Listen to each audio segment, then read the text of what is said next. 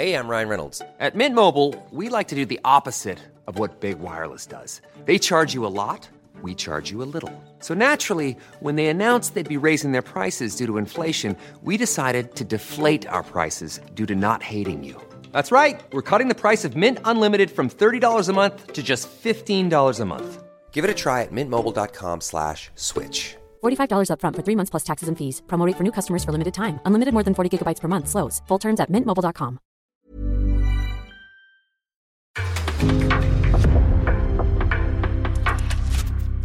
En podcast från Aftonbladet.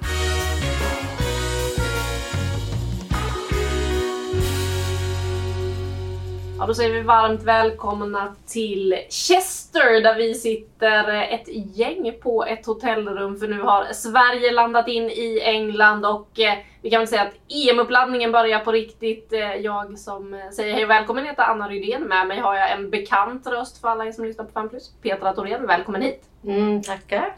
Och så har vi fått eh, tillskott för första gången i FAN plus. De som lyssnar på poddar på Sportbladet har ju hört det många gånger. Men välkommen hit Frida Fagerlund! Debutant Ja, kallar jag fint. mig då. Ja, Ja, jag gillar också att du sa att landslaget har landat in i England. ja. För ja, ja men absolut det är träffande. De ska ju ta England med storm här i tanken. Det är väldigt mycket så eh, som det är tanken och eh, det var idag de kom hit, landade på Manchester Airport. Eh, folk vinkade och var glada när eh, de landade och eh, ja, landslaget vi trodde ju inte att de visste vilka det var men eh, det såg vi till så att alla visste. Och, Du eh, såg till Ja, jag, jag såg till. Jag löste den grejen. Så att alla skulle veta. Det är tydligen så att i Manchester så går man på söndagar, hela familjerna, och tittar på flygplanen som landar här. Och dansar. Och dansar. Det var Du, du undrade vad du hade Ja, det handlat var väldigt obegripligt. Man kommer, kommer till en flygplats och så en taxi runt eh, hela flygplatsen för att hamna på utsiktstornet på andra sidan. Men eh, det var trevligt. Finns ju inte så mycket att göra här i Midlands jämfört med London då, kanske. Det, det är kanske det som är förklaringen till att familjer åker ut och kikar på flygplan när de är lediga. Men det är väl trevligt ändå va? Ja, lite så. Det kändes verkligen som att det är det man gör i Manchester en söndag. Så att, ja, nu har vi upplevt det också och eh, landslaget på plats på sitt eh, hotell också. Petra, det känns som att de eh, trivs ganska bra där. Ja, det vore skam om de inte gjorde det. Eh, De har, de har ju checkat in på ett lyxboende. Eh, Där finns eh, alla förutsättningar för att verkligen optimera sina liksom, egna resurser. Möjligen en risk för att bli lite sådär dekadent, eh, tillbakalutad. Eh, så det gäller att de håller uppe ungan på träningarna. Eh, men eh, jag tror att det var till eh, Hanna Glas som jag sa det att eh, liksom på något sätt så levererar ju förbundet mot, mot spelarna i det här läget eh, och, på ett flott sätt och det gäller nog att de levererar på ett flott sätt tillbaka för det här är riktigt, riktigt bra för dem. Vad var dina intryck nu när du har kommit in i EM-bubblan Frida? Ja, vad var mina intryck? Nej men att det är ju en egentligen en väldigt speciell situation. Jag vet att vi har pratat väldigt mycket om VM i Frankrike idag och det blir ju naturligt eftersom att det var, det var inte det allra senaste mästerskapet för det var ju förstås OS förra sommaren. Men det blir ju väldigt mycket att man jämför och en stor kontrast jämfört med då det är ju att Sverige kliver in här som någon sorts favoriter. Så att man letar ju hela tiden efter eh, ja, men lite grann hur eh, spelarna reagerar på att faktiskt ha den favoritpositionen som de har just nu och hur de ska hantera det. Och givetvis då så tittar man ju på vilka spelare som eh, ja, verkar ha lite skavanker och en av dem är väl Stina Blackstenius som vi slog fast på träningen, förutom Linda Sembrant då som, som inte var någon eh, större överraskning. Som vi alltså inte ens har sett till. Jag trodde först du skulle säga att så tittar vi efter tecken liksom så här, som typ att Kosovare Asllani dyker upp i skor med guld på redan Ja, första dagen. I för sig. Sånt, sånt kikar vi efter också. Det blir man inte så chockad över dock. Alltså om Nej. det är någon som ska... eh, Alltså Kossa har ju alltid eh, haft en lite, lite kaxig ådra sådär. Eh, Men det märks ju ändå att de flesta spelarna kommer in här och har ganska högt självförtroende. Och ja, den där favoritstämpeln kan ju vara ganska tung att bära. Jag är ju en av dem som har varit väldigt optimistisk. Men nu börjar jag svänga och tycka att det är nästan lite för obehagligt det här. Vi kan inte vara för Alltså vi kan inte ha för stort favoritskap på oss. Jag, jag tycker nästan det börjar bli lite jobbigt på något sätt. Men så länge spelarna inte tycker det så är det ju skitsamma vad jag tycker. Ja, Kosse vill ju inte heller sväva iväg hela vägen till final. Pratar om en match i taget och så här. Det är ju så det låter från eh, i princip hela den här spelargruppen när de pratar att okej, nu är det den 9 juli som gäller, det är premiären mot Nederländerna. Man får inte springa för långt fram, men eh, Ja, vi ska komma in på det här med skavankerna för det är ju faktiskt sånt vi måste börja fundera på på riktigt nu för nu är vi på plats här. Nästa match är premiären för Sveriges del i EM. Och Petra, du har ju sett Stina lite under förra veckan då när hon fick, faktiskt fick kliva av i Båstad när man pratade om en trötthet i muskler. Nu eh, får vi se henne här på plats och eh, ja, det var inte mycket hon deltog i träningen idag. Vad var det egentligen Stina gjorde? Du studerade henne noga. ja, jag har haft någon eh, eh super eh, amatör eh, Eh, expertis, eh, medicinsk eh, analys där. Nej men så pass mycket fotboll har ju vi alla sett genom åren och så pass fysiologiskt bevandrade är vi att vi kan skulle nog kunna i alla fall våga konstatera att det, det är någonting fel i låret sen om det sitter upp mot höftböjan eller, eller Eh, men sannoliken på framsida lår. Men, men eh, ja, vi behöver inte gå så djupt ner eh, i det. Men, men hon har något problematik och det hade hon ju i, i, Båstad också som man kallade för trötthet. Då det hon gjorde idag, hon var med och värmde upp med lite boll och lite andra eh, liksom, eh, rörelseövningar, aktis, aktis, aktiv, så ska jag säga, det är för sent här Aktiv dynamisk rörlighet och liksom eh, den delen då första halvtimmen. Och sen så körde hon själv vid sidan av med eh, sjukgymnasten Annika Näsmark. Och, och det så körde hon eh, en del löpningar då. Och sen så gjorde de flera övningar med gummiband eh, som såg ut att vara då mest för framsidan med lite baksida lår också och en hel del stretchövningar. Och sen sprang hon igen och hon sprang ju efter den där formen utav liksom, styrkemässiga övningar, rörelseövningar, stretch. Då sprang hon på ganska bra så att det kändes ju lite grann som att hon ändå testade eh, låret då lite. Men, men vi vet ju inte exakt vad det är och det vet ju inte Peter Gerhardsson heller. Han kanske har fått reda på det här nu, några timmar efter vi träffade honom. Men när vi träffade honom så var det väldigt förvirrande. Vi kan väl lyssna lite på hur det lät när Peter Gerhardsson faktiskt fick frågor om Stina Blackstenius. Ja, jag vet inte faktiskt. Hon var med... Ja, en övning var med och sen var hon inte med hos mig där och sen gjorde hon annat. Vad är det med henne då? Vad är hennes... Nej, men det är väl någonting eh, kopplat i till eh, någonting, någon känning eller någonting sånt där. Så att, eh, vi får se imorgon hur, hur det ser ut. Det verkar som ni kan inte prata riktigt om vad, vad exakt hennes problem är. Nej, jag vet bara att hon inte skulle vara med på träningen så att det är det vi har stämt av. Så för mig är det, liksom, det, är en, det är en vardag tror jag som jag är, helt, jag är helt van vid det här att inte alla 23 tränar fullt ut och så vidare. Jag är inte, vi får se vad som händer så att jag tar en dag i taget och så får vi se imorgon. Tränar hon imorgon Gör hon inte det, hur många minuter kommer det finnas till lördagen? Är det som senast 45 eller är det 70 eller 75 eller här? Och då, då väljer man alltid, ska man starta eller ska man eh, kunna slänga in en spelare på, på eh, i matchen? Så att, det är osäkert om hon kan spela och hur mycket på lördag?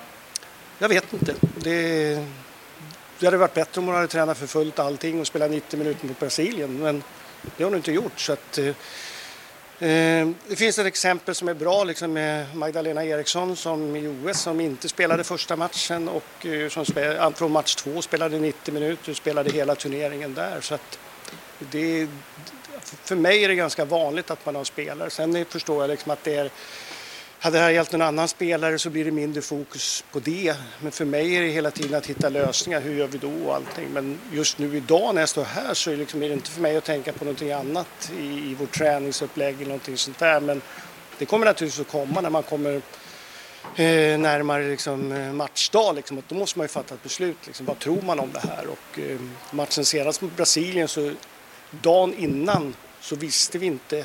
För hon tränade och hon, och hon var ju startklar. Men vi valde ändå liksom att bara spela spelarna 30 minuter då. Ja Frida, vad tänkte du när du hörde Peter Gerhardsson och eh, förklaringarna eller ja, vad, vad, var det egentligen som hände?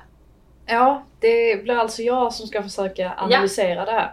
Nej men Peter är ju, eh, han är ju lite av en lurifax ändå på ett eh, sätt. Det känns ganska ofta som att han, alltså jag, på någonstans så känns det som en genuin reaktion från hans sida. Det känns inte riktigt ändå som att han försöker föra oss bakom ljuset. Det är väl kanske mer att han själv väljer att inte ta del av en massa information för att han i sin, stor, sin tur ska kunna stå framför oss och, och säga att nej men ja, jag vet inte. Att han faktiskt inte vill ha den vetskapen. Men någonstans så tänker man väl ändå att han borde ha ett, ett hyfsat stort hum om om det är så att Stina Blackstenius kan starta på lördag eller inte. Jag tror inte riktigt på att han inte har alltså, den blekaste aning. Men det som var intressant tyckte jag i det han sa, det var ju att han tog upp det här exemplet med Magdalena Eriksson på OS förra sommaren. När de ganska snabbt slog fast att hon inte kunde starta eller spela första matchen. Och jag minns inte riktigt hur dialogen gick då. Jag försökte tänka tillbaka om det var så att vi fick reda på att äh, hon kommer inte spela första matchen. Eller om det kom som en överraskning för oss. Jag minns faktiskt inte riktigt vad en överraskning var. Jag har för mig det. Jag för mig att vi fick det som en överraskning när vi väl kom till arenan där eh, för den första matchen. Kan så. Att, Och eh, då, då, var då måste de ju ha mörkat då Ja. eftersom att jag har för mig att det var det vi, ut- så vi uttryckte det i våra texter. Att Sverige mörkade inför premiären och att han hela tiden pratade mystiskt om Magda inför det. Det kom ju fråga om Magdalena Eriksson på presskonferensen inför från amerikanska journalister. Precis. Och han sa väl då att alla hade varit med i träning och men Mm. sv- svävade väldigt mycket på, sa inget direkt om Magda eller hur det var, något sånt där. Han svävade väldigt mycket på det och då var det ju på riktigt en mörkning. För att Mm. Det kom direkta frågor om Magdalena Eriksson som han svävade över lite snyggt och Så- ingen figur honom något. Så dels känns det ju kanske som då att han väljer att inte ta del av så mycket information just nu, men att han någonstans ändå liksom måste få fakta om det här givetvis. Alltså, Han också tar reda på det på kvällen då när de har gjort undersökningar och lite så här för att, eh, för att eh, då är det okej, då behöver inte han fronta oss på några dagar. Så kan det vara. Men det var lite anmärkningsvärt att han också pratar ur ur perspektivet just att ja men då får vi kanske i senare veckan få se om hon kan vara klar, klar för 50, med 45 minuter, 60 minuter. Så han förlängde det upp till 75 men det var ju aldrig några 90 minuter. Så, så när vi sitter här första kvällen, söndag kväll, då känns det ju inte som att Stina Blackstenius är klar för några 90 minuters match på det lördag. gör han inte. Det är ju den känslan man lämnar. Verkligen inte. Och eh, Stina Blackstenius har vi ändå sett idag. Vi har sett henne testas och så här. Linda Sembrant. Ja, vi såg henne kliva av bussen, men sen dess har vi inte sett henne. Hon körde alltså själv på gymmet. Det finns ju ett stort gym inne på eh, det här hotellkomplexet som de bor på. Deras lyxresort där då Sembrant valde att köra idag och eh, den stukade foten, ja inte tillbaka. Hon spelade ju ingenting i matchen mot Brasilien. Hur oroliga ska vi vara? Alltså jag tycker nästan att det är mer oroväckande än att Blackstenius inte kan spela 90 minuter.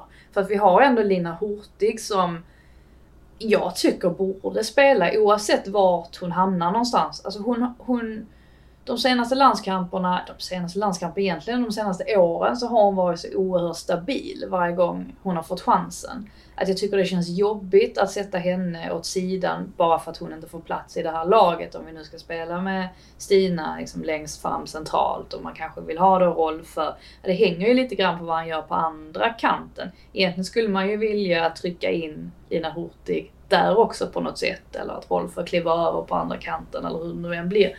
Men jag bara känner att alltså om, om Stina skulle försvinna, även om det såklart är ett tapp i sig, så känns det som att Linda Sembrant verkligen behövs där bak i försvaret. För att det är ju där det har brustit. Den, dels den senaste matchen mot Brasilien. Vi såg lite tendenser av det också i OS förra sommaren, även om det var en turnering där Sverige var väldigt, väldigt stabilt rakt igenom. Så i finalen var det inte hundraprocentigt. Och faktiskt i matcherna innan dess också. USA var ju, alltså där toppade man ju formen totalt. Alltså det var ju utskåpning av USA. Alltså så stabilt rakt igenom. Men det fanns ändå tendenser därefter att försvaret inte riktigt var, var med eller att man, ja, man var lite yrt, lite det här att man stod på hälarna. Så jag känner ändå att Linda Sembrant är ett, ett större tapp på något sätt. Hey, I'm Ryan Reynolds. Recently, I asked Mint Mobile's legal team if big wireless companies are allowed to raise prices due to inflation. They said yes. And then when I asked if raising prices technically violates those onerous two year contracts, they said, What the f are you talking about, you insane Hollywood ass? So to recap, we're cutting the price of Mint Unlimited from $30 a month to just $15 a month. Give it a try at mintmobile.com slash switch. $45 upfront for three months plus taxes and fees. Promo rate for new customers for limited time. Unlimited more than 40 gigabytes per month. Slows. Full terms at mintmobile.com. Ja, Jag hade gärna sett Linda Sembrant och hade trott att hon skulle ta den här platsen liksom, och peta då Amanda Ilestedt. Eh, Eh, om han inte hade kört då med, med en trebackslinje med både Amanda och henne och, och Magdalena Eriksson. Eh, så att, eh, men, men som det känns nu så är, så är nog första matchen också lite för långt, eh, eller för nära för, för Lindas skull. Då.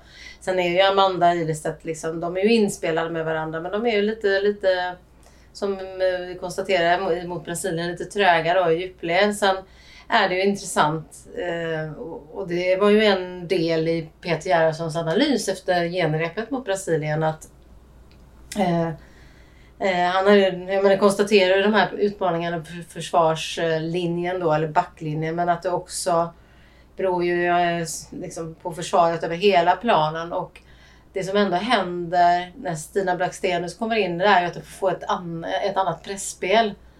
Och det innebär ju att du också kanske får stopp högre upp liksom, på de här. Nu slog ju Brasilien rätt mycket långa bollar. Eh, så att Stina Blackstenius har, och Linda Hurtig har inte riktigt det pressspelet. Jag gillar också, eh, förlåt Lina Hurtig, jag gillar också Lina fantastiskt mycket men just som den, liksom, som, som den spetsen liksom, längst fram så gör ju Stina Blackstenius ett jäkla jobb också defensivt. Så att eh, där tror jag man kanske, inte bara för hennes målsinne, men där finns det en komponent som man riskerar att missa med, med om nu Hurtig skulle spela istället. Då. Och som Blackstenius var inne på, hon gillar att vara den här jobbiga jäveln som ligger där uppe och hela tiden pressar och ställer till det för motståndarförsvaret. Och det är Nederländerna som väntar i första matchen. Hur tufft är det motståndet Frida, skulle du säga? Ja, alltså kikar man på matchen mot England där de förlorade rätt klart så var ändå första halvleken relativt jämn. Alltså England har ju spelat rätt många matcher nu. De har ju framförallt varit samlade under väldigt många veckor. Alltså väldigt många fler veckor än alla andra känns det som. Och deras första halvlekar har varit sådär och sen så under andra halvleken så har de ändå steppat upp och så har de liksom plockat hem segern. Så jag tror inte man ska läsa in för mycket utav just det är resultatet. Vi vet att Nederländerna har Midema och det räcker på något sätt för att hon är en så fantastisk spelare. Nu har hon ju fått en liten annan roll i Arsenal sedan Stina kom in där och har blivit lite mer eh, en spelare som länkar upp, alltså droppar lite djupare i planen jämfört med vad hon gjorde innan Stina kom in. Så att hon har ju både den förmågan att kunna droppa djupt i planen och leverera och fördela boll och samtidigt också vara den här spetsen. Och även om hon inte är hon är inte supersnabb på något sätt så är hon ändå tillräckligt snabb för att hon ska, ska kunna straffa den där svenska backlinjen. Särskilt om, om den står lite högt. Men jag tror väl att man kommer ha ganska mycket respekt också för att hon, hon faktiskt har den förmågan att kunna göra det. Låt oss säga att Magdalena Eriksson och gänget lär titta på x antal klipp på Midema inför den matchen eh, om man ska om man känner dem rätt. Eh, vad tänker du kring öppningsmatchen, att man har Nederländerna där och att den nu faktiskt bara är sådär sex dagar bort när vi sitter här och pratar? Nej, men jag tänker nog mycket på det här favoritskapet som du var inne på. Jag tycker att det är superintressant eh, hur, man, alltså hur Sverige ska bära det. Eh, framförallt innan premiären när det kan komma liksom lite nerver och, och på något sätt ska de ju nu faktiskt leva upp till den där eh, liksom kaxiga attityden som de har eh, tagit på sig eh, alldeles på egen hand. Alltså dels genom sportsliga resultat men också genom faktiskt en, en eh, inställning som, som eh, och bild som de vill måla. De har ju själva varit med. Eller de är med varje dag och målar upp den här bilden. Eh, och, och intrycken blir ju inte svagare av hela den här lyxiga, flådiga inramningen som, som eh, omger dem nu. Liksom varenda bild som de själva lägger ut på Instagram och det är ju inte få bilder de lägger ut på Instagram har vi också konstaterat idag utan det är ju rätt mycket. Liksom. Det är klart att det är ju från att ha varit det här landslaget som klagar och vi får mindre än killarna. Helt plötsligt liksom, har de verkligen jättehög status både på det, liksom det boende de har nu och de förutsättningar de har nu och eh, det, den, liksom, den förväntan som de sätter upp. Och med det då som utgångsläge inför premiär eh, och så, så har vi då första halvleken mot Brasilien. Då känns det ju väldigt riskfyllt liksom den där första matchen. Eh, sen vet vi att eh, eh, bara för att det såg ut så på ett genrep så, så behöver det inte alls bli så, så i, i en premiär. Men jag tror att det är, liksom, det är en nyckelmatch som sätter väldigt mycket in i mästerskapet. Både resultatmässigt men också liksom, eh, prestationsmässigt. Så att, eh, det är en viktig match och ja, det känns lite skakigt eh, på, på många delar. Framförallt tycker jag efter mötet mot Brasilien. Nu blev det ett jäkla långsvar. Ja, men det får man ha ibland. Ja. Nu säger jag som Jennifer Falk, vad var frågan? Men det så, så jag, ja, Det var där du landade. det var där jag landade. Ja, precis som att Sverige nu då har landat in i England. Mm. Ja.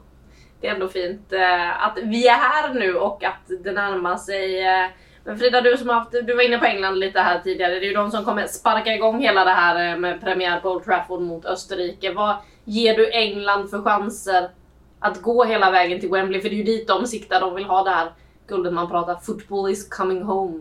Mm, jag, Igen. jag fluktuerar mellan att vara väldigt neggig mot England till att faktiskt tro att de, eh, de ska kunna klara av det ändå och faktiskt ta sig till finalen på Wembley.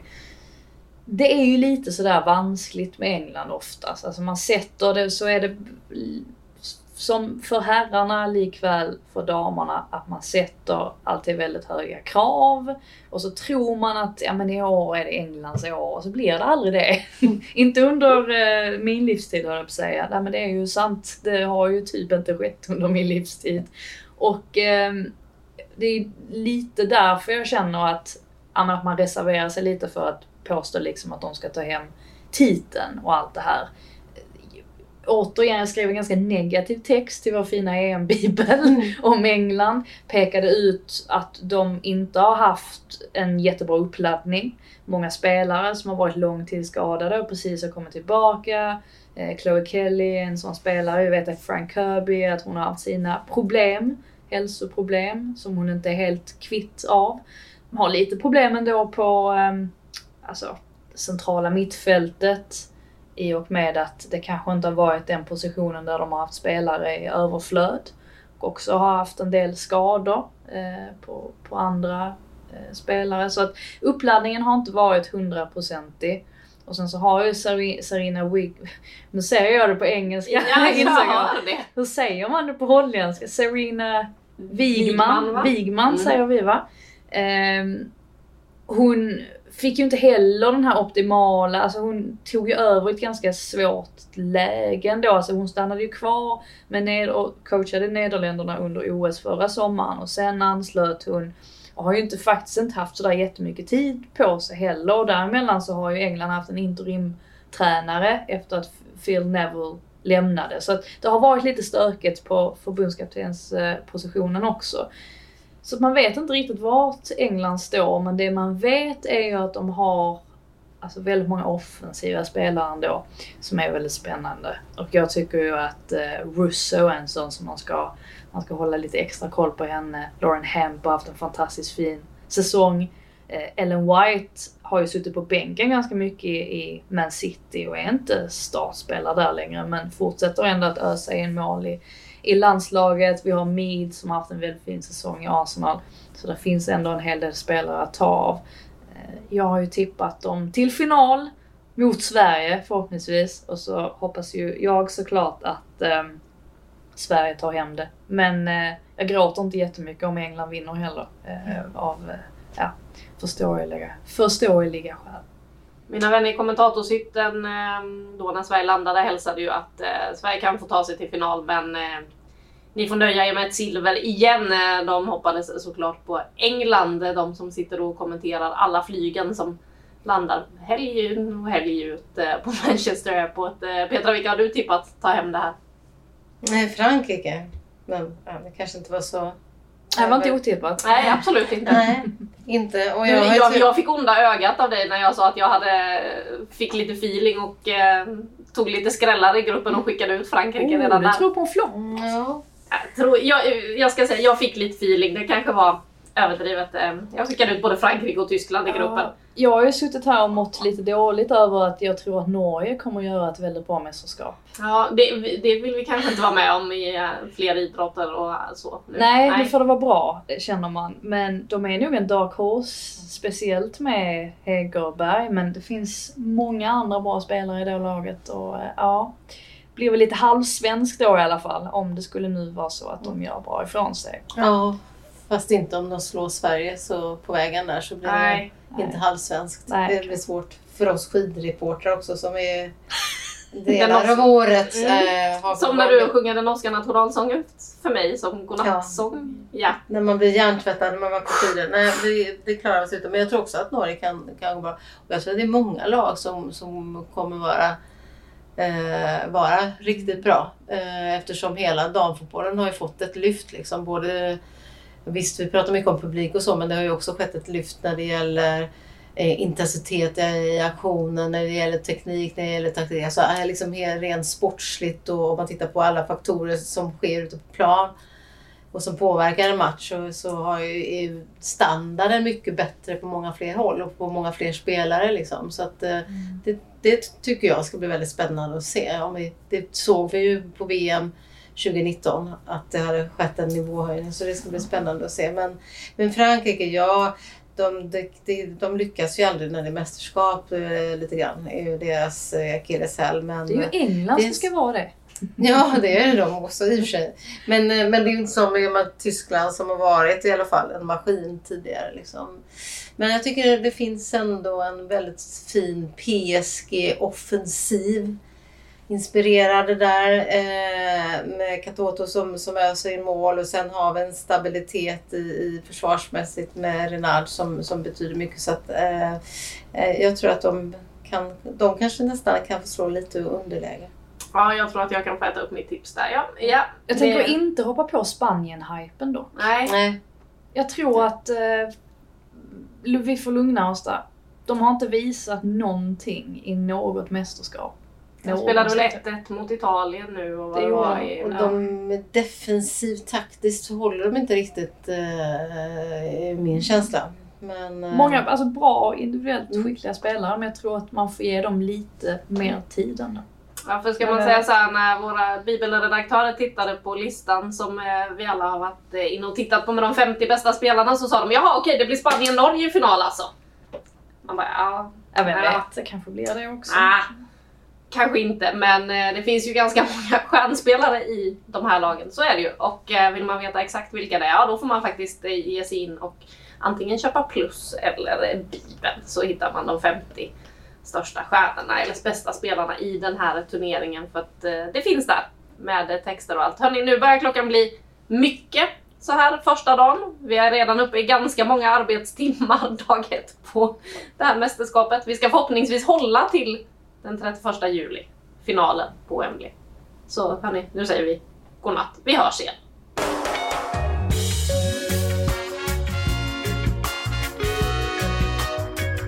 Du har lyssnat på en podcast från Aftonbladet.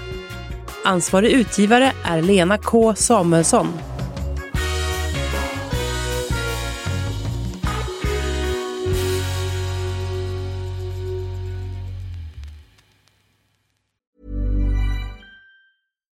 Botox Cosmetic, out of botulinum toxin A, FDA approved for over 20 years. So, talk to your specialist to see if Botox Cosmetic is right for you. For full prescribing information, including boxed warning, visit BotoxCosmetic.com or call 877-351-0300. Remember to ask for Botox Cosmetic by name. To see for yourself and learn more, visit BotoxCosmetic.com. That's BotoxCosmetic.com.